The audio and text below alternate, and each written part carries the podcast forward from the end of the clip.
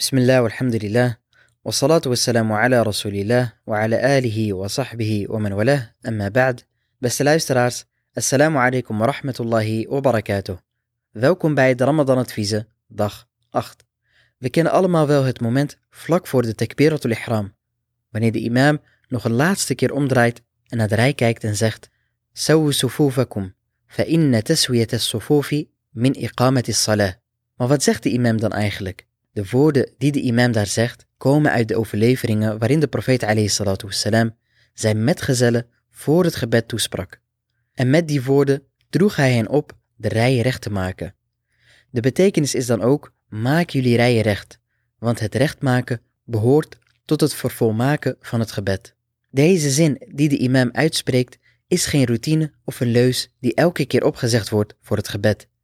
Nee, dit is een opdracht gericht aan ons allen om de rijen recht te maken als we gaan bidden. Want in een overlevering zegt de profeet wassalam, of jullie maken jullie rijen recht, of Allah zal jullie gezichten veranderen. Deze woorden van de profeet wassalam, laten zien dat het gebed een serieuze aangelegenheid is. En daarom past het ook niet om na de iqama nog even snel iets te bespreken of een grapje te maken.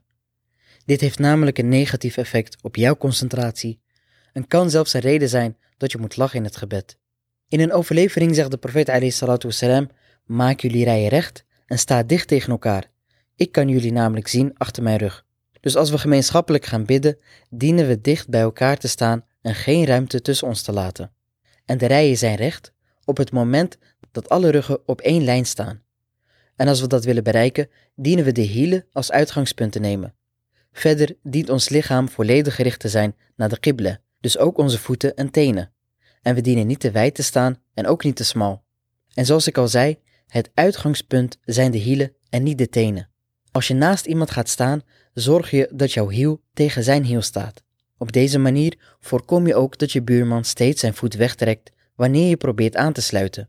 Want wat er vaak gebeurt, is namelijk dat men wijd in het gebed staat en vervolgens aansluit door de kleine teen tegen de kleine teen van de buurman aan te zetten.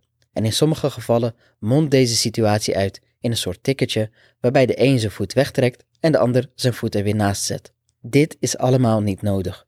Als iedereen schouderbreed gaat staan en met zijn hielen aansluit, zul je zien dat je veel minder last van elkaar hebt. Merk je dan dat degene die naast je bidt zich steeds wegtrekt, laat hem dan en focus je op je eigen gebed. Probeer zelf niemand tot last te zijn en geconcentreerd in het gebed te staan. Doe niet de hele tijd heen en weer te wiegen en veel bewegingen te maken, want daarmee hou je jezelf uit je concentratie en ook degene naast je.